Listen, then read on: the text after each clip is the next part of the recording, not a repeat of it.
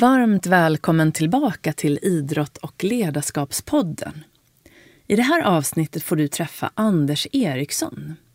Anders är före detta elitsoldat och har ingått i gruppen SOG som står för Särskilda operationsgruppen som är en del av det svenska försvarets specialstyrkor. Du har också sett Anders som en av instruktörerna i TV4 serie som heter Elitstyrkans hemligheter och då under namnet Slam. Så det blir ett avsnitt fullt av kunskap och inspiration om just mental styrka och mental tuffhetsträning. Och även om ledarskap och hur man egentligen gör för att bygga ett team från grunden och som håller när det verkligen gäller. Och vad är det egentligen som gör att en person ger upp när det blir sådär riktigt tufft eller som inte ger sig och fortsätter även när det blir riktigt tufft? Och hur gör man för att hantera sina rädslor och även hur man gör för att våga se sina svagheter som kan då vara en otroligt viktig del för att verkligen bli bättre och kunna utvecklas i en bra riktning. Så um, pratar vi också om andningens vikt av just det här med att hantera sina rädslor och att kunna ta kontroll över andningen kan vara avgörande för att kunna, kunna kontrollera sina rädslor oavsett vad rädslan handlar om. Så häng gärna med till slutet, för där delar jag med mig om, av ett par tips om just din andning och några andningsövningar. Och där tar jag också med återigen den här andningsövningen som Anders också rekommenderar i avsnittet. Så nu får du gärna ta ett par djupa andetag och luta dig tillbaka. Och så önskar jag dig en riktigt trevlig lyssning. Och eh, nu kör vi!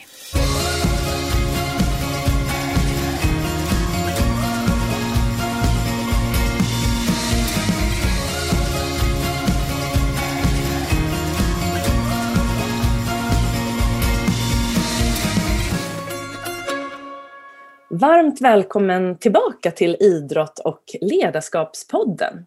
Och idag är jag mycket glad att få presentera dagens gäst för dig, nämligen Anders Eriksson. Anders är för detta elitsoldat och har i många år varit en del av specialförbandet som kallas SOG, eller Särskilda operationsgruppen. Och nu under våren har du också sett honom som en av instruktörerna i Elitstyrkans hemligheter under kodnamnet SLAM. Idag jobbar Anders som instruktör på Röjdykadivisionen hos Försvarsmakten och det ska bli väldigt spännande och intressant att prata med honom idag. Varmt välkommen hit Anders! Tack så mycket! Är det något som du skulle vilja lägga till i min presentation av dig som jag kanske har missat eller så? Nej, jag tycker du fångade upp det ganska bra. Ja, så bra. Mm. Och eh, vi ses ju här som det är nu för tiden då på Zoom och du befinner dig i Stenungsund, stämmer det? Ja, det stämmer. Ja, Härligt. Och jag är i Stockholm då, så det är så coolt att vi kan träffas på det här sättet trots eh, restriktioner. Men du, vi ska börja här och prata väldigt mycket om bland annat det här med mental styrka och ledarskap som jag vet att du är väldigt bra på. Eh, men för den som inte vet riktigt vem du är, hur skulle du beskriva vem den här Anders Eriksson egentligen är? Ja, jag är ju då en eh, person som har varit verksam i försvaret i hela min yrkeskarriär. Eh, fyller 40 år. Eh, har två underbara barn och trivs eh, väldigt bra i vatten. Är ganska sportig av mig, åker mycket skidor. Eh, som person är jag ofta social och eh, försöker vara glad. Mm, härligt. Och eh, hur ehm, hur kan en dag se ut? Du jobbar ju idag då som eh, instruktör på mm. röjdykardivisionen i Försvarsmakten. Eh, hur kan en dag på jobbet se ut? Ja, vi, det skiljer sig givetvis ganska, ganska mycket. Vi eh, försöker lägga upp eh, träning för eh, grupperna som befinner sig där. Eh, vi planerar för övningar mm. och ja, försöker sysselsätta eh, personalen så gott det mm. går. Mm. Och vart är det som divisionen har, är det Skredsvik? Det ligger i Gullmarsfjorden om jag inte är helt... Ja men precis, längst in, längst in i Gullmarsfjorden äh, ligger äh, Skredsvik. Det. Och det är en jättefin bas, förmodligen Försvarsmaktens finaste arbetsplats. Ja, det kan jag tänka mig. Och ehm, just ni behöver ju ett väldigt mycket djup när ni tränar, eller hur? Så jag läste någonstans att ni är nere på 57 meter ibland när ni tränar. Ja, precis. Och den platsen är ju optimal för, eh, för dykning. Vi har egentligen all form av eh, bottenbeskaffenhet och, och djup. Och, så det, det är en väldigt bra plats för just dykning. Ja, jag förstår. Och jag kunde inte låta bli att tänka på, på dig. När vi sågs första gången så var det på Saltarö här uppe i Stockholm. Och då kom du med din familj i en sån här stor ribbåt. Och då tänkte jag så här, det är verkligen som att han är som Hamilton. så att, eh, och då läste jag faktiskt så här att det finns en person som faktiskt heter, för att nu eh, gå tillbaka lite till Jan Guillous eh, serie Hamilton som jag tror de flesta tänker på när jag, när jag säger Hamilton. Men då läste jag att redan år 1952 så fanns det en person som hette Rolf Hamilton och att det var han då som la grunden till dagens röjdykardivision när han startade den första svenska militära dykarskolan och att han genomför den amerikanska marinens dåvarande röjdykarutbildning som nu heter Navy Seals Underwater Demolition Training i USA. Och när han kom hem då så förlade han utbildningen här där, där ni är nu då, i Skredsvik på västkusten. Eh, och sedan dess har det här varit då er hemvist. Och du kände till honom? Ja, men det gjorde jag absolut. Eh, han är ju vår anfader för, eh, för röjdykeriet. Då. Och 1954 startade han upp röjdykardivisionen. Okej. Okay. Känner du dig lite som Hamilton ibland? Ja, det vill jag nog inte påstå att jag gör. Man har ju nog en liten så romantiserad bild av det där. Man har ju sett filmerna och, och sådär. Du har ju varit med om allt det här liksom lite mer i verkligheten och det ska bli väldigt spännande att, att prata med dig mer om det. Men vad var det egentligen som gjorde att du valde att bli militär? Ja, det var nog egentligen slumpen skulle jag vilja säga. Jag skulle absolut inte göra lumpen. Utan eh, jag skulle ut och göra säsong, eh, skidor och resa jorden runt och hitta på äventyr. Men så har jag en bror, som, eh, en äldre bror som gjorde lumpen som attackdykare. Och som lillebror vill man ju inte vara sämre. Så jag gjorde mönstringen för Kustjägarna och kom in där. Men under den andra mönstringen då som man måste göra så träffade jag en kille som hade varit och gjort röjdyk andra mönstring. Och han sa att den var mycket tuffare än det här så då var jag tvungen att prova det då. Och eh, kom in som röjdykare och eh, trivdes där under lumpen. Och befälen tyckte att jag skulle söka vidare till officer och det gjorde jag. Mm. Den banan är det. Och när, hur gammal var du när du eh, kom in? Som, ja, 19 eller blev, då. 19 år? Ja. ja, eh, lumpen och sen eh, är eh, röjdykarutbildningen ett år då. Mm. Var den då. Och sen sökte jag ju direkt. Så jag var, jag var faktiskt ledig från militären i fyra månader och då passade jag på att göra en säsong. Ja, just det. Så det har jag gjort. Ja, så bra. Mm. Och eh, så det här med att jobba som militär, så du valde det som din, eh, ditt yrke kan man säga där när du kom in på och gick vidare som officer. Och eh, då lyssnade jag på Urban Molin som jag tror fortfarande är chef för specialförbandsledningen. Ja, nej, det är han inte. Nej, han är inte. Okej. Okay. Men eh, jag läste, då var det en gammal intervju, men han, när han förklarade lite om just specialförbanden och den viktiga roll som ni just spelar i försvaret av Sverige. Men kan du förklara lite mer vad ett specialförband gör? Ja, ett specialförband eh, är ett förband med särskilda förmågor eh, eller utrustning. Ofta består det av små enheter, särskilt tränad utvald personal som utför andra uppgifter än vad reguljära förband förmår. Uppgifterna är ofta särskilt krävande, därför behövs då välutbildade och motiverade som fysiska, psykiska, starka individer. Eh, ja, vad ska man säga? Det primära för specialförbandets uppgifter är ofta strid. Såsom rädföretag in på djupet eller fritagningsoperationer. Det kan vara underrättelseinhämtning i komplex miljö med avancerade metoder. Då. Just det. Och du kom ju med i ett av de här specialförbanden som heter då SOG som jag nämnde där i början. Och hur kom du med, liksom, vad var det som gjorde att du gick vidare dit? Ja, jag fick eh, förfrågan att, eller jag kände han som eh, var chef för en grupp och eh, han ville att jag skulle söka. Mm. Så då, då gjorde jag det. Och, Och hur, många, eh, mm. mm, hur många är det som är med i just särskilda operationsgruppen? ja, det kan man tyvärr inte säga då. Nej, okej. ja, det är bra. Apropå Man det- försöker ja, hålla väldigt eh, hög sekretess eh, för olika anledningar. mm, det Så förstår jag. allt går tyvärr inte att prata om. Ja, det förstår jag. Det är ju också spännande. Ja, men, ja så kan man se det. Men eh, så eh, när du var med där i SOG, hur kunde liksom en, eh, en arbetsdag se ut då? Var, då var det ditt, ditt heltidsjobb kan man säga. Ja, precis. Vi, vi försökte på vår grupp som jag tillhörde skapa normalveckor så gott det, det gick. Då. Vi tränade så mycket som möjligt under så kort tid som en arbetsdag ändå är. Och för att kunna göra det så försökte vi bryta upp vår träning för att hitta våra svaga sidor och träna på dem. Då. Mm. Det, som, det man är bra på, det kanske man inte behöver lägga så mycket tid på. Utan det är de dåliga sidorna, eller vad man säger, som man vill eh, lägga tid på. Just det. Så en normaldag kunde väl börja med fys oftast. Eh, och där försökte vi göra tjänstegrensfys, såsom löpning eller gå ut och gå lite med tung packning. Eh, crossfit är ganska populärt. Eh, lite mm, ja, fys helt enkelt i Mm. all dess form. Mm. Eh, därefter så försökte vi träna i vår profession eh, så gott det gick. Och eh, vi rundade oftast av dagen med ett skjutpass. Eller när vi kände att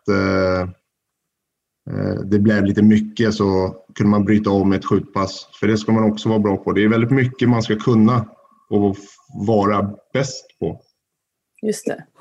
Så, så, så kunde, hur ofta liksom jobbade du? Var det liksom fem dagar i veckan eller eh, om man tänker en, en vanlig vecka när man inte är, liksom, rycker ut så att säga. Men är det upplagt Ja, men- så att man jobbar som en arbetsvecka kan man säga? Ja, vi, vi jobbar som en arbetsvecka. Sen är det ju alltid att, man, eh, att det blir övningar eller man kanske måste åka iväg på någonting. Eh, sådär. Men vi försöker förhålla oss till arbetsveckor så gott det går. Just det. Och eh, som de här utryckningarna och det här med det här jobbet innebär ju väldigt mycket risker såklart. Hur, hur förändrades ditt arbete när du skaffade familj? Ehm, just det här med att behålla fokus tänker jag när man har helt plötsligt barn hemma. Och så ska man iväg då på ett sånt här arbete som kan innebära eh, liv och död. Och eh, att kunna släppa taget om familjen man är ute och, och kunna släppa taget om jobbet när man kommer hem. Hur kunde du hantera det tycker du? Ja, det är ju väldigt speciellt och underbart att skaffa familj. Det är det ju på många plan. För mig har hela tiden, jag har ju hela tiden sett det här som ett helt vanligt jobb. Och det är klart att det finns risker i mitt jobb. Men jag har ju alltid förlitat mig på min träning, vilket har gjort mig fokuserad på det man ska göra. Eh, nu har jag varit borta mycket från familjen, vilket har varit tufft. Men samtidigt i efterhand har jag förstått att jag har kopplat bort familjelivet Eh, vilket kanske inte har varit bra alla gånger. Då. Eh, det är en svår balans skulle jag vilja säga att förhålla sig till. Ja, men när man är ute på operation så blir man så himla fokuserad då, på det man ska göra. Eh, och börjar man tänka på vad som kan hända eller nära och kära hemma och så, då kan man ju sätta sig själv i en väldigt eh, dålig sits och sina kamrater. Mm. Eh, Men jag har alltid upplevt att när jag har rullat ut från eh, kamp eller vad vi har varit då, så har jag alltid blivit fokuserad på mitt jobb mm. och liksom nästan lämnat allting på kampen eller där man har bott. Då. Mm. Eh, Så ja, Det blir väl det som är eh, det viktigaste också för att kunna klara av det här jobbet, att man kan göra på det sättet. För att som du säger, annars, skulle, du annars skulle du inte kunna göra ditt jobb egentligen. nej precis. Det, det är en viktig del i det. Och hur gjorde när du kom hem sen då och kom hem till familjen? Kunde du då på samma sätt släppa taget om jobbet upplevde du? Ja. Både ja och nej skulle jag vilja säga. Det har, det har varit tufft. Så här, jag har tänkt mycket på det i efterhand. Det, det har varit svårt att släppa jobbet fast jag kanske trott att jag gjort det. Ja, just det. Om man säger så. Ja. Och att det var lättare att gå den vägen eftersom det, det, det du är tränad på blir man ju bättre på så att säga. Ja, på jobbet. Och sen det här med familj blir ju nytt. Man har ju levt ganska länge utan familj och så får man familj. Det har man ju inte tränat så mycket på. Nej, Så då Det- blir det svårare att gå den vägen. precis. Jag tror många känner igen sig, även om du har ett jobb som, som är ganska mycket mer, vad ska man säga, eh, annorlunda och eh, där, där fokus är ännu viktigare och att det handlar om liv och död än om man går till ett vanligt jobb så att säga. Men just det här du säger tror jag många känner igen sig i. Det är Mm. lättare att släppa taget om familjen när man kommer till jobbet och sen det här att komma, kunna släppa taget om jobbet när man är hemma. Jag vet inte hur många liksom, pappor och mammor man ser som sitter med datorn medan barnen får hålla på med sitt, liksom, bara för att ja, man har inte Ja, riktigt lärt sig. Mm. det är ju en balansgång det där. Det, och man får ju någonstans kanske tänka vad som är, vad som är viktigt. Mm. Eh, Familjen är ju väldigt viktig. Fick du berätta, jag tänker på att ni ska ju vara sådär omedelbart tillgängliga så att säga, även när Mm. du är ledig. Och eh, du vet ju inte riktigt då när du skulle bli inkallad. Fick du säga till familjen vad du skulle göra och vad de, ja, så att säga, när du, just det här att kunna vara hemma och ändå veta att jag kan bli inkallad när som helst. Hur hanterade du det? Det var ju en förutsättning. Det visste ju familjen om givetvis. Då. Eh, och oftast kunde man kanske inte säga vart man skulle utan att man skulle iväg. Eh, men man, man tränar ju så otroligt mycket så att man känner ju att man är redo hela tiden och eh, vilket på något sätt gör att man är i nuet hela tiden. Mm. Det, det ingår i jobbet på något sätt. Ja. Ja. Och eh, om vi nu går vidare lite grann till det här med när du var elitsoldat, alltså när du var då, för du är ju inte längre en del av särskilda operationsgruppen, utan, men du har ju varit det många år. Får du berätta vart du har tjänstgjort någonstans? Jag kan berätta att jag har tjänstgjort i Afghanistan. Mm, För det är öppen information då. just det. Eh, och ja, specialförband, man vill ju inte att allt ska komma upp till ytan av olika anledningar. Eh, vart man har varit till exempel, och, för det kan vara känslig natur eller vissa förmågor som vi har kan komma fram. Så därför kommer inte allting fram då. Just det. Men Afghanistan har jag varit kan jag säga. Ja, och då har ju du varit med i det här programmet som nu precis har avslutats på TV4 som heter Elitstyrkans hemligheter. Där Ja, vet jag att bland annat Pam har väl också sagt att hon har varit i Afghanistan. Men ni var ju fyra instruktörer. Kände ni varandra innan ni började programmet? ja det gjorde vi. Mm. Eh, Och- Jag har tjänstgjort med Pam eh, i just Afghanistan. Eh, Bella är min gamla chef. Och KP har varit på en annan grupp då, Ja, Just det. annat team. Så hur kom det sig att du valde att eh, vara med i just det här programmet? Eh, ja, men jag fick förfrågan när jag slutade där eh, och eh, kände att eh, ja, varför inte?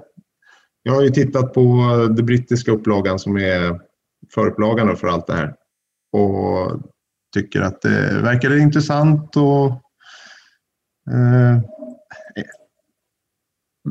jag gillar ju det här med gruppdynamik och tycker det är väldigt spännande att se.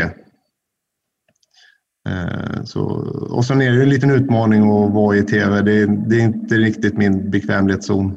Mm. Så, och det är kul att utmana sig själv lite grann. Ja, jätte- jag tyckte det var ett jättespännande program att följa så, och det vet jag många med mig. Men det står ju sådär på slutet av programmet, så står, eller om det är i början av programmet, att Försvarsmakten inte står bakom alla tester. Men liknar de här testerna som ni har med i det här programmet då så som de är i verkligheten? För du har ju gjort eh, de här testerna själv.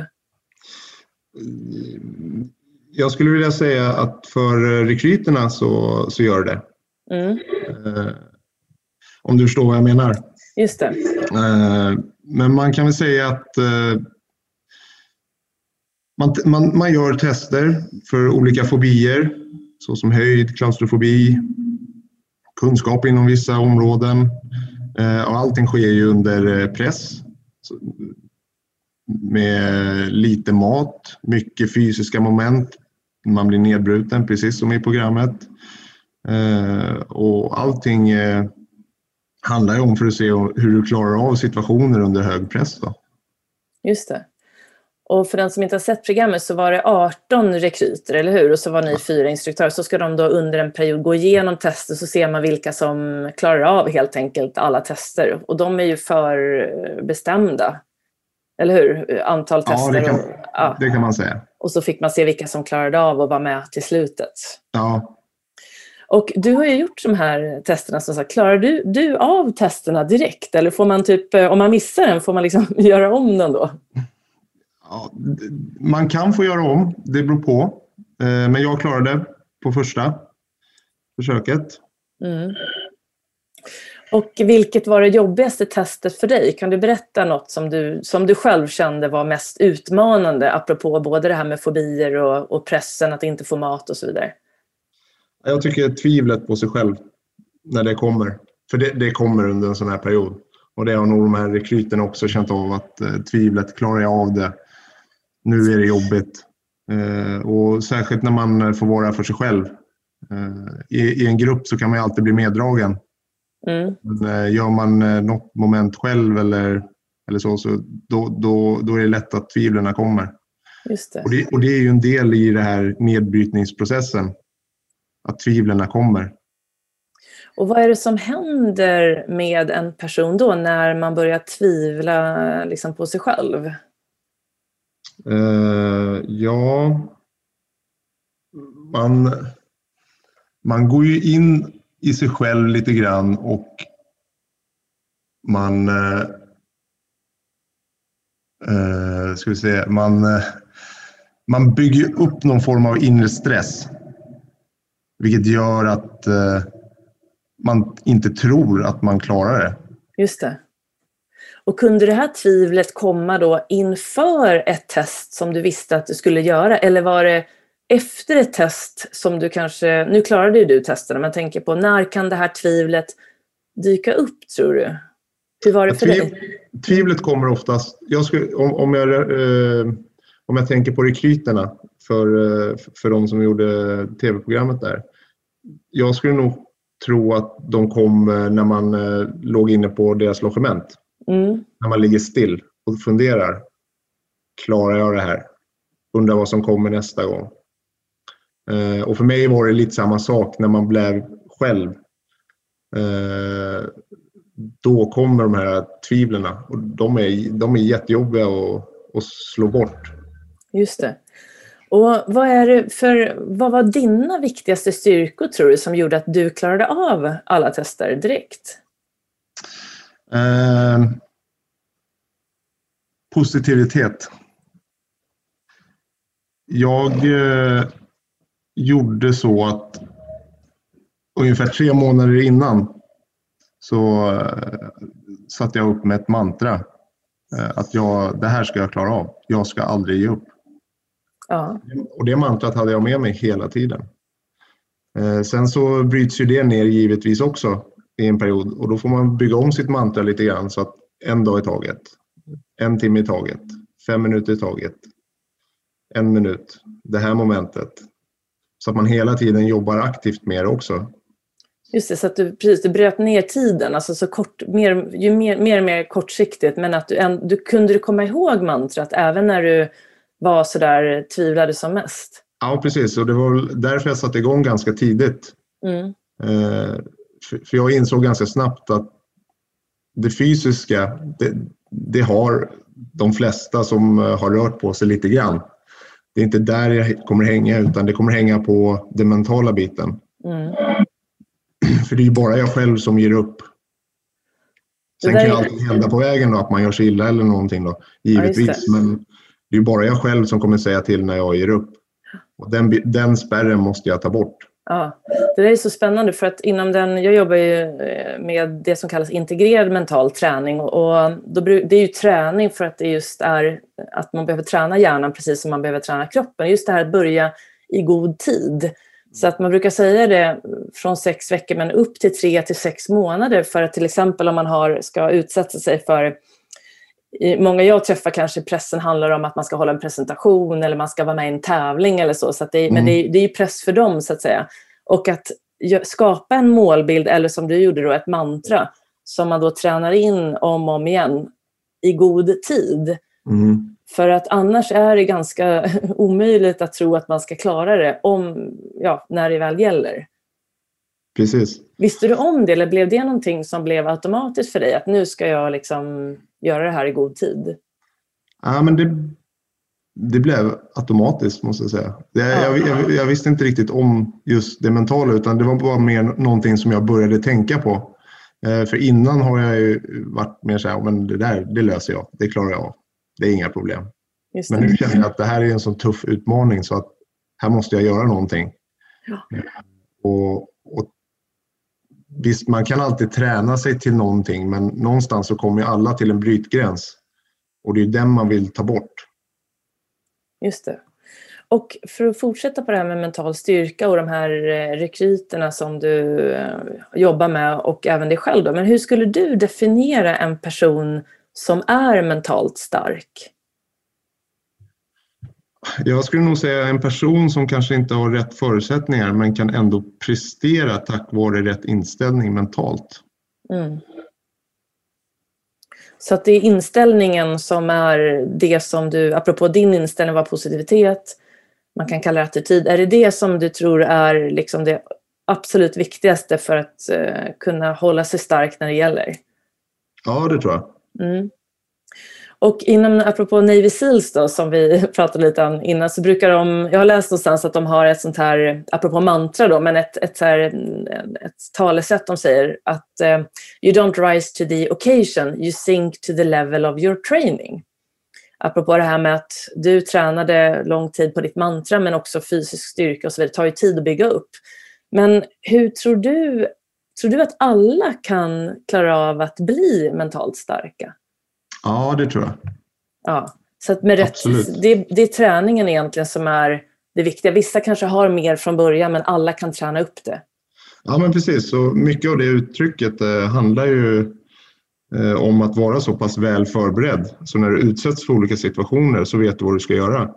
Mm. Eh, och man kan ju inte förutse allt och träna för dem, men du kan mentalt förbereda dig på svåra situationer.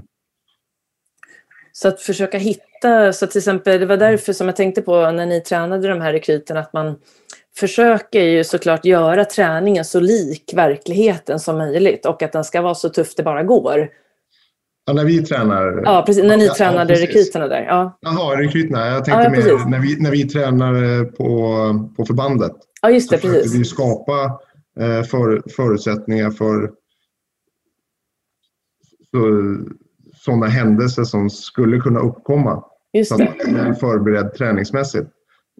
Sen så kan det ju hända saker däremellan. Och det är den, den biten jag pratar om lite grann, att man ska liksom få, försöka få in det mentalt. Just det. Eh, för då är du ännu mer förberedd.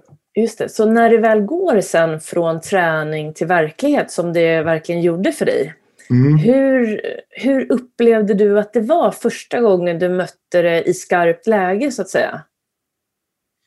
Ja, det... Man blir extremt fokuserad.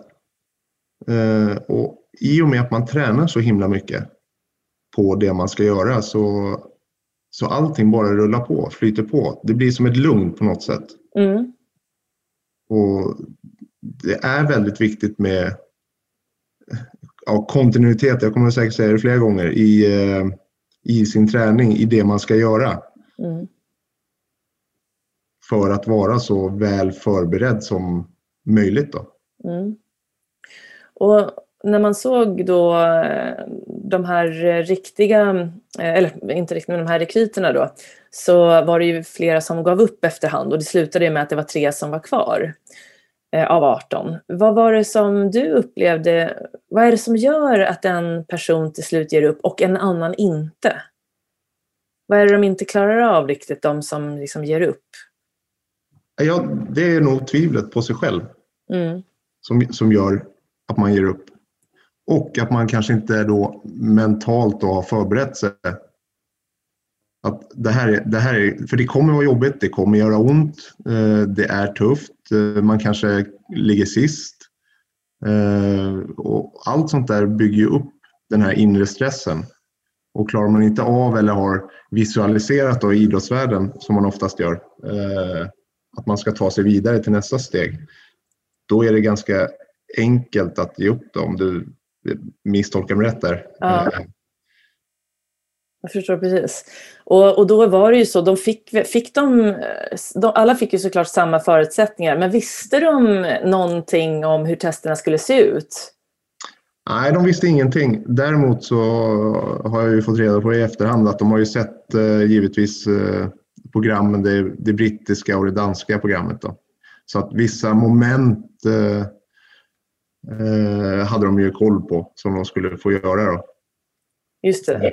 Men eh, däremot så tror jag inte de var förberedda på allt annat som inte syns i kameran. För det är väldigt mycket som pågår hela tiden bakom kamerorna. Då. Eh, den här nedbrytningsprocessen som vi pratar om. Ja. Ja men exakt. Så eh, när man möter en, vad ska man säga, en rädsla då som i det, här, det man såg där, apropå rädslor, så var det till exempel rädsla för höjder eller kanske för vatten eller sådant som ligger långt bak i tiden. Man kanske varit med om någon olycka eller det har hänt något och så möter man det där. Eh, hur, hur lär man sig, om man nu tänker att man vet att någonstans kommer jag möta mina rädslor, hur kan man träna för att liksom hantera sina rädslor tror du? Eh, jag tror att man måste nog utsätta sig för det. Mm. Eh, ta små steg i taget. Jag fick faktiskt en, eh, en fråga om på Instagram för inte så länge sedan en kvinna som precis har lärt sig simma men hon har jättesvårt att ta sig ut på djupa vatten. Och det där är en sån, alla har ju olika rädslor då. Och där tror jag att om man bara börjar lite smått och försöker ta sig ut, man kan sätta på sig en flytväst till exempel för att känna sig trygg. Och sen så släpper man på det mer och mer och mer och mer. Till slut så simmar du på öppet hav. Mm. Eh, så det handlar nog mer om att försöka utmana sig själv lite grann. Mm. Men inte för mycket i början för då kommer det bara bygga upp rädslan utan att man ska känna sig trygg i det man gör. Just det. Det var så roligt. Det kommer få mig att tänka på en psykolog som jag hörde på radio bara av en händelse. För en av mina söner är mörkrädd. Mm. Och, ehm, och då pratade den här psykologen just om mörkrädsla och det kan ju också vara någonting som verkligen kan bli jätteläskigt och speciellt många barn är ju då mörkrädda. Och då sa han just det att han skulle börja, eller han pratade inte om min son, men generellt då att man börjar med att kanske gå ut och till, till brevlådan liksom, när det är mörkt ute och, och, så börja ta det steg för sig, gå ett varv runt huset och när det är mörkt och kanske mm ställa sig vid skogen och till, du vet att man just det här möta det sakta men säkert och samtidigt jobba med andningen då så att du känner att när det kommer lite rädsla då som det säkert gör även på den där lilla att man då hela tiden fokuserar på andningen så att den kan behålla sig så att man lugnar sig själv. Ja, andningen är ju jätteviktig för det är ju något som bygger upp eh, stress. Eh, en ytlig andning bygger upp jättemycket stress och kortisol och allt som, som byggs upp i kroppen. Då. Mm. Så att kunna ta kontroll över andningen i sådana situationer är jätteviktigt. Mm. Vi försökte alltid få till eh, att innan en, man hamnar i en situation, ta två djupa andetag. För det släpper det. väldigt mycket. Man kan känna det ibland när man är lite spänd eller någonting. Om man tar två djupa andetag två, jag säger två till tio då, men eh, oftast hinner man med två djupa andetag. Så känner man ett visst lugn av det. Mm. Och andningen är, den är central mm. på det sättet. Jag tänkte, vi pratade lite om Anneli Pompe här innan. Hon ja, ju, har ju dykt eh, djupast ner hon har världsrekord i djupdykning, 126 meter på ett andetag. Ja. Och eh, hon var ju med i podden här för några säsonger sedan. Och, eh, hon pratar mycket om, hon är ju andning, hon har gått andnings, alltså hon är ju andningslärare också. Just Mm. det här med att när du tränar andning, att du verkligen, hur du kan påverka dig själv och meddela kroppen att nu är det lugn eller nu är det fara. Mm. Så att, eh, har du någon sån där andningsövning som du brukar göra? Säg så här inför någon, eh, någon situation du vet där du skulle kunna bli stressad. Gör du någonting speciellt då? Förutom, jag tänker djupa andetag, men finns det någon speciell teknik? Ja, det är just de där två djupa andetagen som jag försöker förhålla mig till när man liksom står där ute i, i terrängen eller vad det än må vara. Eller på en föreläsning eller vad det är. Eh, men jag har fastnat lite för Wim Hof Ja, Eh, och han har en eh, andningsövning på nätet som är 15 minuter lång. aha. Där den är uppdelad i tre minuter och sen så håller man andan på tomma lungor i två minuter. Och sen upprepas det tre gånger. Då. Och man får ett fantastiskt lugn efter det. Man tömmer tankar, idéer, allting. Så det, den kan jag verkligen rekommendera om det är någon som vill prova på. Ja, finns den på Youtube då eller? Ja, precis. Man kan googla på Wim Hof. Ja, och så Eh, 15 min- andnings- Ja, andningsövning. Den är 15 minuter, 15 minuter lång. Då. Ja, det kan jag lägga upp här i, i avsnittet sen så kan man se det. Det var ett jättebra Absolut. tips. Det är alltid kul. Och idag senast så såg jag på TV4 här så min gamla, eller hon är inte gammal, men min mindfulnesslärare, apropå yogan, Mm. jobbar ju jättemycket med andning. Mm. Och just, hon pratar just också om det här med att vi andas ju oftast fel. Alltså även när vi inte är stress, alltså, när man sitter på kontoret så börjar man liksom göra någonting och bli koncentrerad, då kan man sluta andas nästan Mm. om du inte tänker på det. Så att vi har en förmåga att liksom tappa bort andningen även i sådana här eh, situationer som absolut inte är liv och död. Men just det här att komma tillbaka till andningen. Så det är ett jättebra tips. Och jag kan tänka mig hos er, när, när kroppen förstår att det är lugnt, då kommer det ju åt hjärnan och det du har förberett, all den där förberedelsen får man ju då kontakt med. Precis. Och det, det, nu har vi pratat mycket om eh, att vi tränar väldigt mycket och sådär, men det är ju en del i det. Att eh, ha någonting att falla tillbaka på när, när man går ner i den här stresskonen. Då. Mm. Eh, och, och då ska det ju liksom bli naturligt att fortsätta med det du har övat på. Så att inte det glöms bort Just det. eh, på grund av stress. Då. Precis. Och en, en övning som jag re- reagerade jättemycket på som jag tyckte verkade vara så obehaglig i den här elitstyrkans hemligheter, det var när de här rekryterna var i förhörssituation. Ni låtsades att de var tillfångatagna. Så var de i ett rum och så fick de huvud så hade de hörlurar med, visst var det barnskrik tror jag? Ja, det var alla möjliga, alla möjliga- ljud. Just det, alla konstiga ljud. ljud. Hur gör man i ett sånt läge för att så att säga tänka bort eh, ljudet och ändå Ja, klara sig? Det är jättesvårt. Det är jättesvårt. Eh, Ljudet eh, blir ju annorlunda. Och det är därför man har ljud på. För det skapar en stress för hjärnan. Eh, Hjärnan förvränger ljudet och man börjar liksom...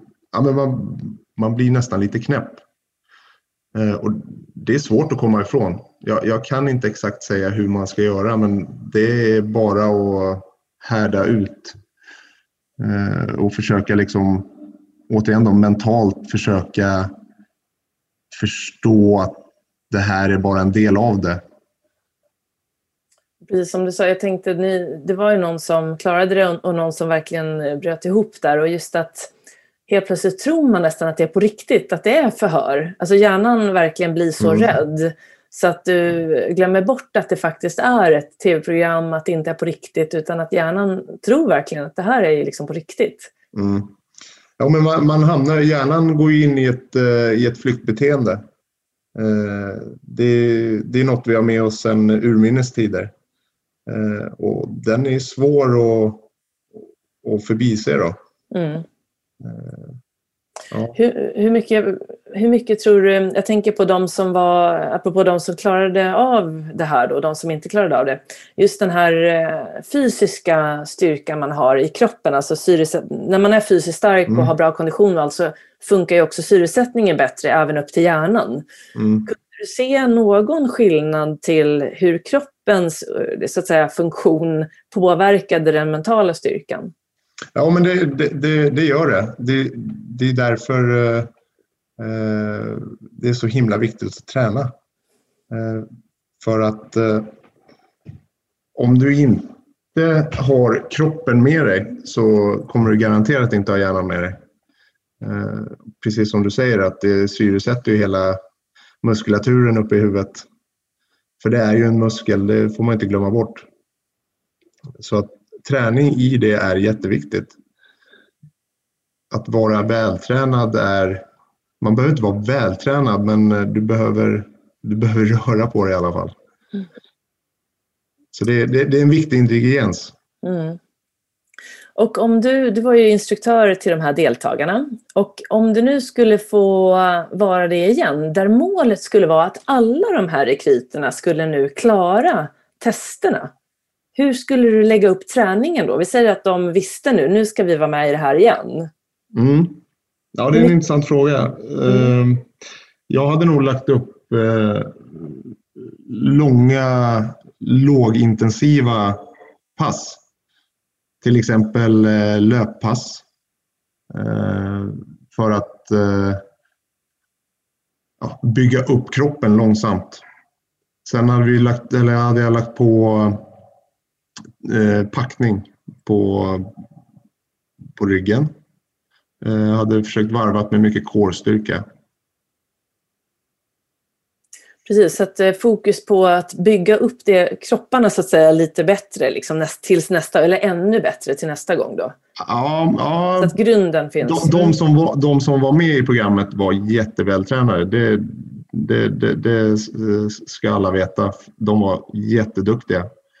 Eh, men eh, man kan se lite grann på de som är explosivt tränade och de som är lågintensivt tränade. Eh, till exempel triatleter. De har en förutsättning som är lite bättre än, än de som tränar mycket på gym till exempel eller springer fem kilometer snabbt. Eh, men sen så hade jag också givetvis försökt eh, gå in på det mentala. Ja, just det. Så vad skulle du göra där? Ja, men där skulle jag verkligen försöka få dem att med rätt inställning så klarar man av det mesta. Kroppen, man klarar mer än vad man tror. Så när, eh, när, du, när du tror att du har gjort ditt, då har du minst 50 procent kvar. Ja, det är, den, den är svår att, att prova på i, eh, när man inte blir utsatt för det. Och då gäller det att man förstår det. Det där vet jag just när man jobbar med elever. Och så, jag har ju varit eh, PT eh, förut också och då när man jobbar med en person så säger man så här 10 armhävningar till exempel. Sen när de har gjort 10 armhävningar, nej men nu klarar du 10 till.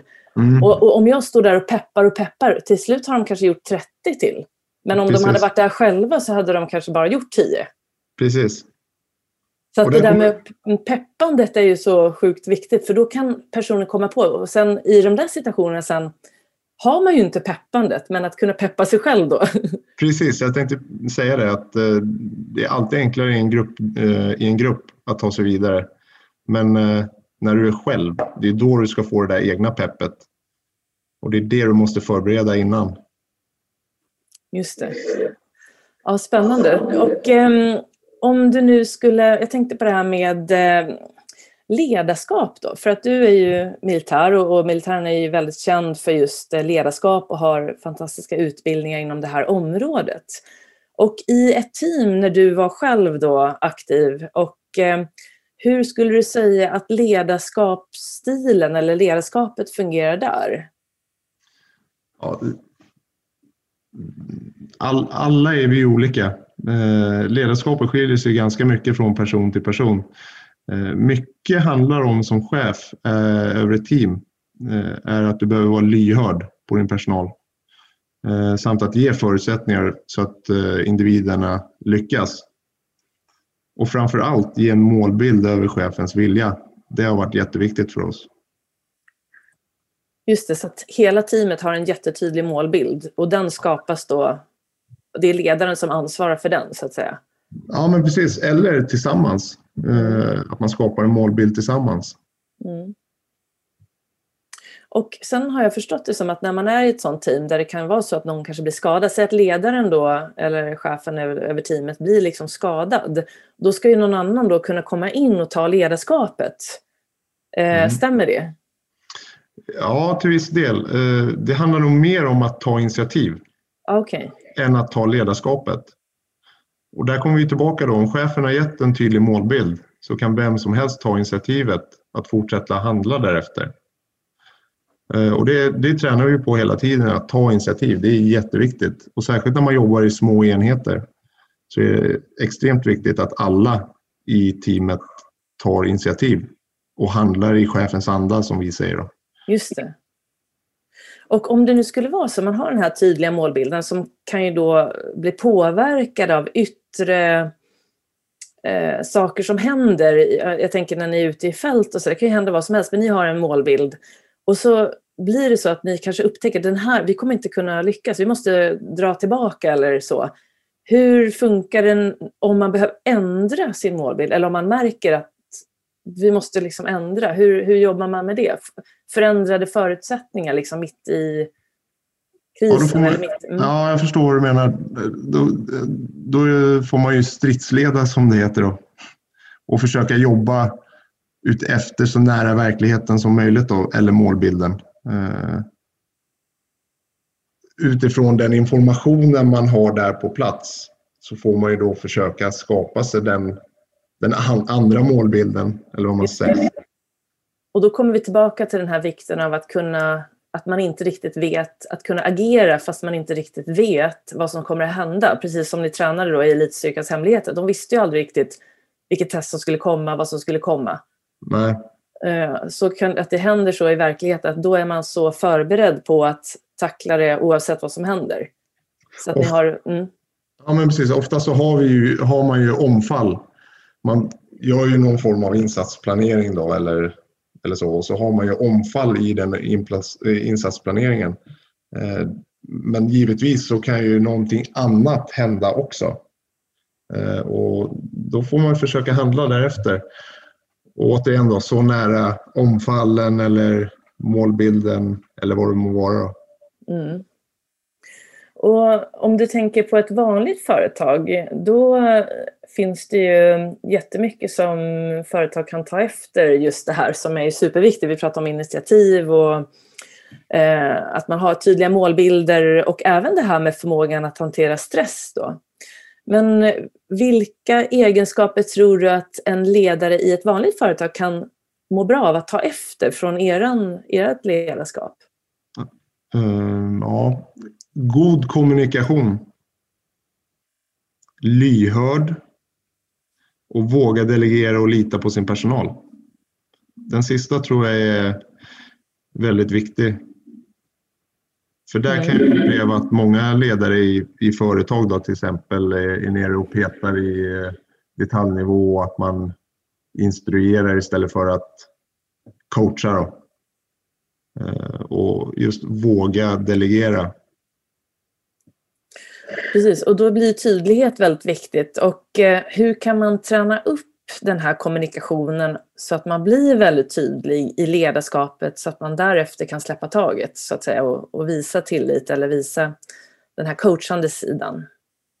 Ja, det är en svår fråga tycker jag. Mm. Eh, jag tror att vill man träna upp sin tydlighet så måste man våga fråga sin personal och ta åt sig kritiken.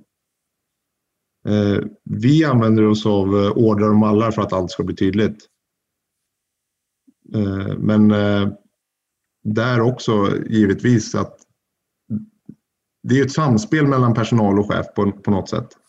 Där personalen måste ju givetvis lita på sin chef och ömsesidigt. Och skulle det vara så att personalen tycker att chefen är otydlig, då måste man ju våga säga till. Och då måste ju chefen ha skapat ett sådant forum att personalen vågar säga till. Mm. Eh, och att chefen tar åt sig från kritiken givetvis. Om man tycker att den är relevant då. Eh, och försöker förändra sig själv. Det där är ju svårare när man är chef. Att man tror eller kanske tycker att man, är, man vet allt och ska kunna allt för att man är chef. Men en chef är, är ju också en människa. Eh, så det är en jätte... Ja. Nej, förlåt. Nej, men en så viktig insikt just att uh, du är liksom en förebild och det betyder ju att ingen kan vara perfekt och att visa vikten av det här med självledarskapet. Man brukar säga det att för att bli liksom att uh, om du börjar med dig själv så mm. sprider man ju det väldigt mycket till de runt omkring sig. Precis. Även vuxna människor gör ju lite så det man ser. Inte bara, eller man gör ju som de andra gör, inte bara som de säger. Även om som vuxen är det viktigt med kommunikationen. Men med barn till exempel, de gör ju mer vad vi gör. Om vi mm. sitter med mobilen så kommer nog de automatiskt tänka att det är okej okay att sitta med mobilen. Men mm. om vi istället kanske sätter oss och läser eller gör något annat så blir man ju en annan typ av förebild. Beroende mm. på vem man då vill vara som förebild så kommer de ju ändå härma. Ja, men precis. Och om man inte då är tränad riktigt, om man tänker i ett företag så har ju inte alla direkt en mental skolning sådär direkt. Men därför blir det här kanske lite lätt, ännu viktigare att ledarens beteenden. Ja, jag håller med. Mm. Och ordrar och mallar sa du, det är också någonting som, som jag vet att ni är så otroligt bra på. Att det är en trygghet att kunna komma tillbaka till för att mm. se tydligt vad har, vad har vi för kultur, är det något vi behöver ta hand om när det gäller utveckling och utvecklingssamtal och så? Ja, det har vi mycket. Mm. Eh, och vissa team har, eh, kör he, eh, heta stolen eh, för att liksom ytterligare bygga upp ett eh, lager om eh, gruppdynamik. Vad betyder det då? Att man, en ja. person får sitta i... Ja. ja, precis. Eh, en person sitter och, på, på en stol och eh, de andra sitter runt. Och så går man igenom personen i, i det här uppdraget kanske eller om någonting gick fel eller en person kanske har gjort någonting och sen så ger man den eh, feedback helt enkelt, personen. Och det är, det är en väldigt speciell situation att sitta och göra något sånt. Och där gäller det att man verkligen sitter och lyssnar, man tar åt sig och så försöker och förhoppningsvis förbättra sig. Då. Det är ju hela syftet med, med just den. Och att man då ska ha ett forum att vädra eh, om det har varit någon dispyt eller någonting. Så att man har ett öppet forum och, och vädra allting då. Så att allting kommer fram och lyfts på.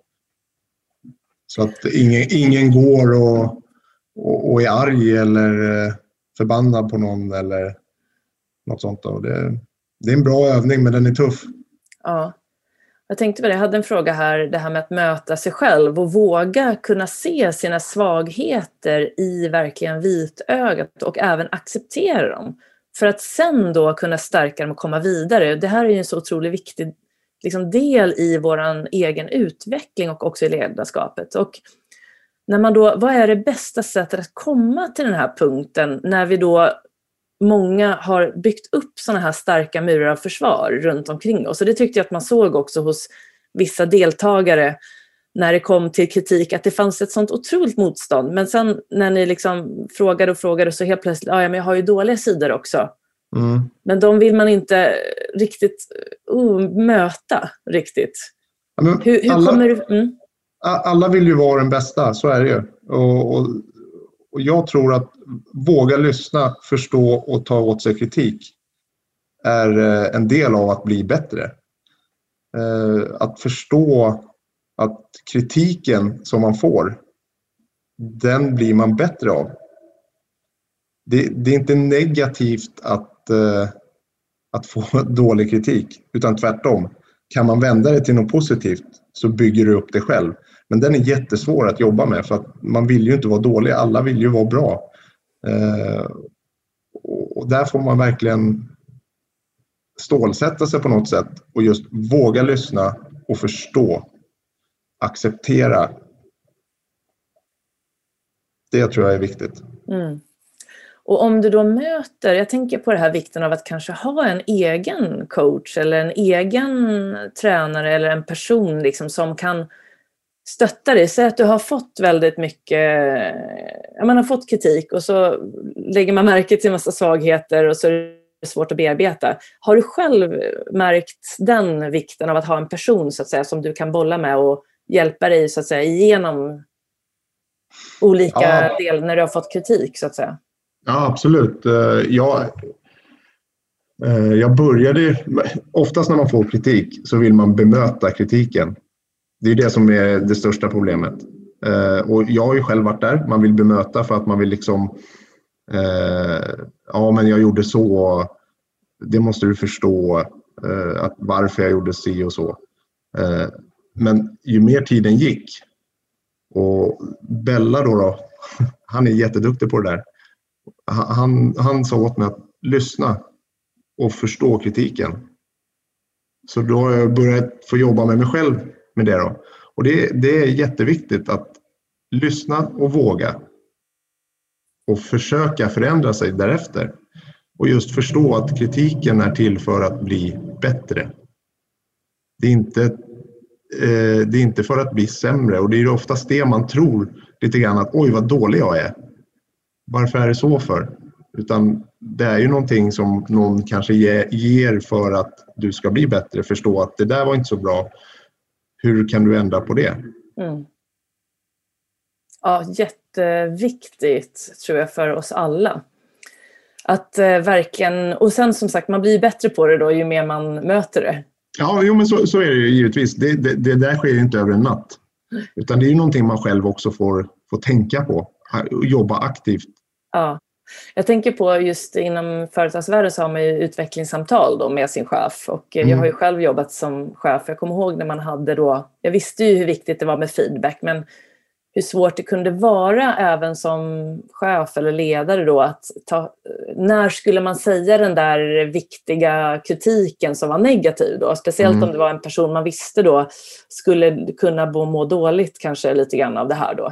Mm. Och eh, just hur man förmedlar kritik. Hur skulle du säga, vad skulle kunna vara ett bra råd för en ledare som ska ha ett utvecklingssamtal? Om man vet, jag måste ta upp den här saken. Ja, det är ganska viktigt att man känner sin personal, eh, precis som du säger. Eh, vissa tar ju åt sig mer än andra. Jag tror att rakhet och ärlighet är en viktig ingrediens det, det är nog svårt att, eh, vad ska man säga, smussla med svaret. Eller frågan då, eller vad man ska säga. Utan var rak, tydlig och ärlig. Sen kan man ju ge det på olika sätt. Då. Man kan bemöta med en trevlig, man kan vara hård, man kan... Eh, ja, allting ligger ju i tonläget lite grann. Och så får man vara lyhörd återigen och se hur personen reagerar. Eh, och sen vara förklarande att ta nu inte det här som eh, något negativt utan se det positivt på det. Utan vi vill ju liksom att det här ska bli bättre. Och att man säger det från början så att det ja, finns en, eh, en anledning att, att nu kommer jag säga det här och det handlar om att jag vill verkligen att du ska bli bättre till exempel. Då. Mm, Mm. Och att man bygger, på det sättet bygger upp positivitet innan. Just det. För ju mer, ju mer negativt du får, det blir en ond spiral. Eh, då blir du negativ. Man vill ju försöka få personen att vara positiv. Mm. Och det kan vara så att man börjar med positivitet, ger det negativa och sen bygger upp med lite positivt också. Mm. Ja, precis. Så blandningen. Tycker du att man ska börja säga det som är positivt och sen säga det som är negativ kritik? Det beror på Eller vad det är för någonting. lite grann. Jag, jag, tycker nog nästan tvärtom, att man börjar med det negativa för att avsluta med det positiva.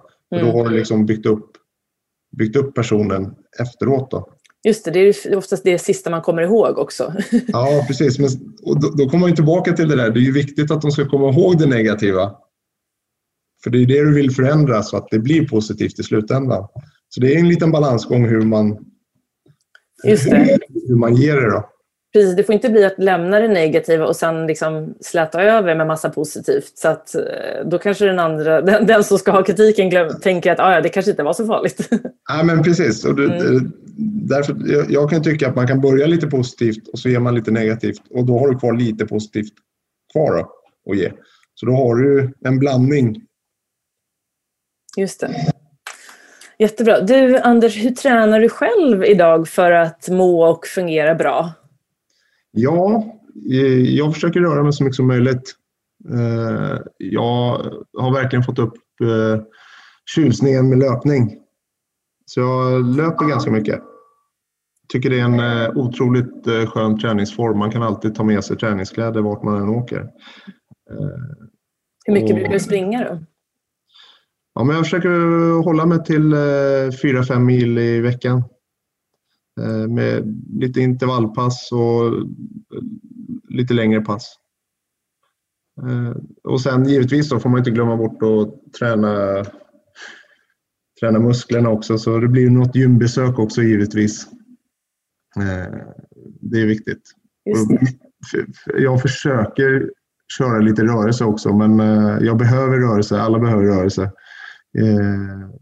Men sämre på det.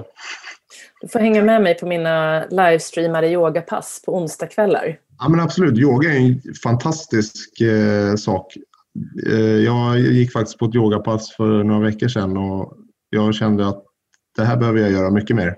Ja, det är det, fantastiskt skönt. Det, det är avslappnande och så blir man ju mer rörlig ju längre tid man håller på med det då, givetvis.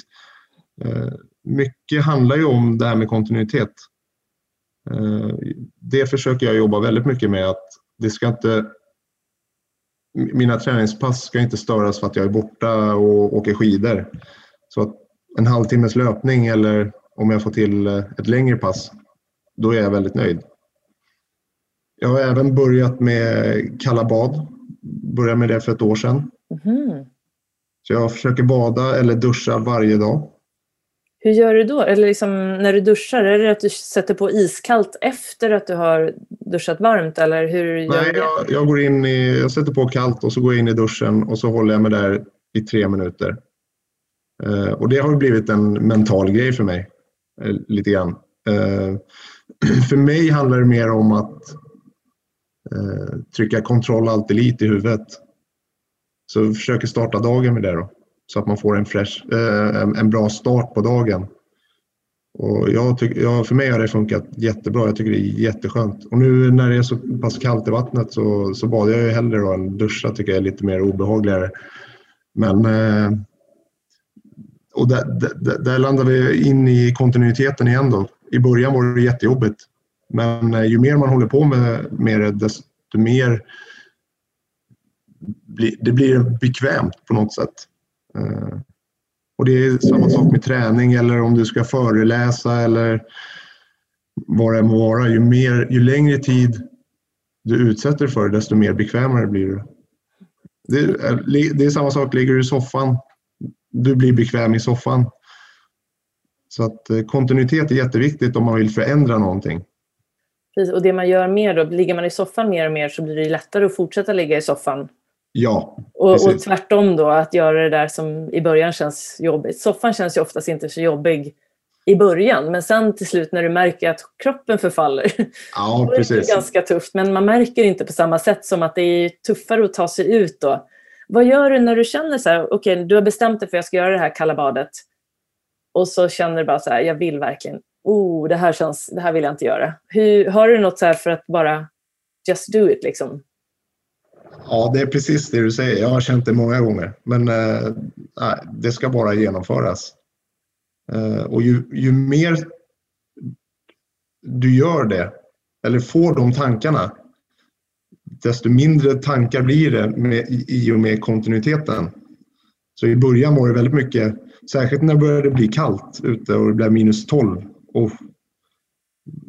Men nu ska jag bara göra det. Och så var det samma gradantal för några veckor senare. Och då tänkte jag inte ens på det, utan då bara gjorde jag det. Mm. Så, ja, en viktig ingrediens är att bestämma sig givetvis. Mm. Det här ska jag genomföra. Lägga upp en plan. Och har du jobbat med på något sätt det här med belöning efter att göra något jobb? Tror du på det, att man ska ha en belöning liksom, fram som hägrar när du har klarat av det, när det är något som är jobbigt? Som du, till exempel, nu ska jag bada kallbad eh, varje dag i tre veckor, säger vi. Och när jag har klarat det då, tror du på det, att ha en slags belöning på slutet? Belöningen för mig blir ju att det känns bra. Ja. Och att man mår bra. Det är belöningen. Eh, jag har, nog, nej, jag har inte tänkt på att uh, om jag gör det här i tre veckor så ska jag få en semla. Just det. nej, så har inte jag tänkt. Utan det, det är mer en känsla av att må bra som är belöningen. Ja, just det. Och den får du ju varje gång efteråt. Det är samma, samma sak med eh, om du tränar så får du belöning i, i form av endorfiner mm. och du mår bra. Ja, det är precis. Det, det, är oftast det som är det som funkar långsiktigt, att man märker det där, för det är det som blir sen motivationen att fortsätta. Ja, men precis. Man, mm. Vissa blir ju så här endorfinjägare, att man, man tränar för att få endorfinkickarna och då kan man bli lite på gränsen till manisk. Så det är också en liten balansgång, men jag tycker att det är viktigt att se den lilla belöningen i det då. Eh, att man mår bra. Mm. Och man blir piggare. Det är så mycket bieffekter som gör som man kanske inte tänker på om man inte tänker på det. Utan eh, det, många tar det nog för givet. Att ah, nu har jag tränat så nu mår jag bra. Men du tränar för att må bra. Just det. Eller ja, yoga eller vissa kanske mår bra av att ligga i soffan. Eh, givetvis då och då får väl det stå för dem då. Men jag tror att rörelse är ett extremt viktigt verktyg för att vara glad och må bra. Mm. Ja, jättebra. Du, Anders, eh, tror du att du kommer vara med i Elitstyrkans hemligheter igen? Ja, det kommer bli en till säsong. Ja, vad kul. Ja. Så, när kommer den då? Det är inte riktigt klart än. Nej. Eh, när exakt. Men eh, det kommer bli en till säsong och man kan gå in och eh, söka redan nu. Om man känner att man har det som krävs. Jag ska gå in och söka. Nej, jag ska. Det tycker jag absolut du ska göra. Ja, jag har ju rört mig mer mot yogan och du vet det här. Ja, men det är en del i det också. Ja. Man är ju, ja, roligt. Så hur många, så sök, ansökningarna, är, ansökningarna är öppet så att säga? Man kan ja. sätta igång nu? Mm. Jajamän. Åh, vad spännande. Och du, om du nu, jag brukar avsluta med att fråga den som är med om du fick lämna tre saker till den som lyssnar. Och idag har vi pratat mycket om mental styrka och kanske också ledarskap. Men vad skulle du säga är de tre viktigaste faktorerna då för att stärka sig mentalt och därmed då öka din motståndskraft och välmående i tillvaron? Lita på dig själv. Andas. Och våga. Ja, underbart tydligt. Jättebra Anders, vilken bra sammanfattning av det vi också har täckt under timmen apropå de här tre sakerna. Lita på mm. sig själv, andas och våga. Och bra. Har du några, vad har du för framtidsplaner? Då? Nu vet vi att du ska vara med i Elitstyrkans hemligheter, men har du någonting angående din egen karriär? Har du någonting som ligger i pipelinen sådär? Ja, jag har lite projekt på gång, men inget som jag tyvärr kan, eh, kan säga just nu. Okej, okay, ja. Eh, annars försöker jag nog bara må bra. Ja. Vad, vad, är din favoritsysselsättning för att koppla av helt och hållet? Om man tar bort träningen då och liksom jobbet. Och, vad är ditt bästa avkopplingsmedel? Jag eh, försöker att vara ute så mycket som möjligt. Mm. Det har vi fått vara mycket nu med tanke på pandemin. Ja. Du är säkert ute mycket ändå, men extra mycket nu, eller hur? Ja, men precis. Och särskilt när solen kommer fram. Det är helt underbart uh, att bara vara mm. ute. Mm. Uh, sen givetvis, uh, jag är ganska social av mig så jag trivs i sällskap. Och det är avslappnande i sig. Mm. Ja, du Anders, vad otroligt kul det var att ta med dig idag. Tack snälla för att du tog dig tid och för att du delade med dig av dina kunskaper, erfarenheter och din härliga inspiration och tydlighet och alla de här bra tipsen. Är det någonting som du skulle vilja lägga till så här innan vi avslutar? Nej, inget som jag kommer på så här direkt. Hade, hade du ett Instagramkonto sa du, tror jag? Ja, det Vad har heter jag. det då? Eh, slam understreck Hasse. Ja, då ska jag lägga upp det. Och har du någon hemsida? Nej, det har jag tyvärr inte. Inte än? Nej. Men då får vi gå in och följa dig där då. Och där Ja. lägger du upp lite grann om själva processen här inför elitstyrkans hemligheter och kanske lite annat också.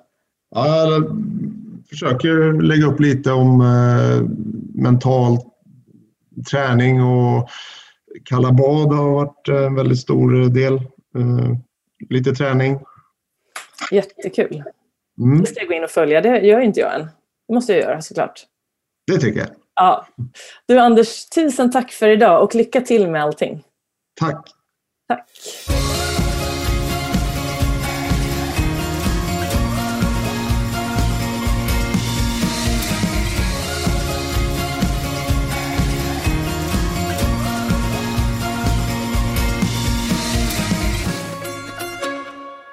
Då har du fått lyssna till mitt samtal med Anders Eriksson och jag hoppas nu att du har fått med dig en hel del kunskap och inspiration som du kan ta med dig in i din vardag.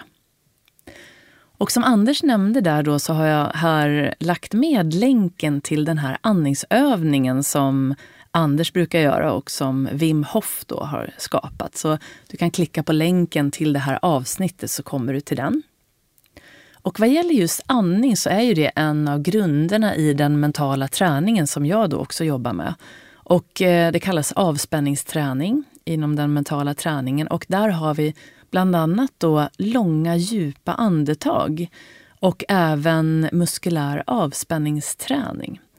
Så om du blir nyfiken på det här så finns det på min hemsida trainforbalance.com som är mitt träningscenter online. Där har jag lagt upp både en guidad djupandning och där kan du numera också hitta ljudfiler, bland annat med muskulär avspänningsträning som inte bara handlar om andningen utan som handlar om att, eh, hur man gör för att släppa på spänningar då i kroppen genom att du muskulärt går igenom kroppen, spänner den, slappnar av och så vidare. Men där också djupandning ingår, så den kan jag också rekommendera att du lyssna på. Den är ungefär en kvart lång.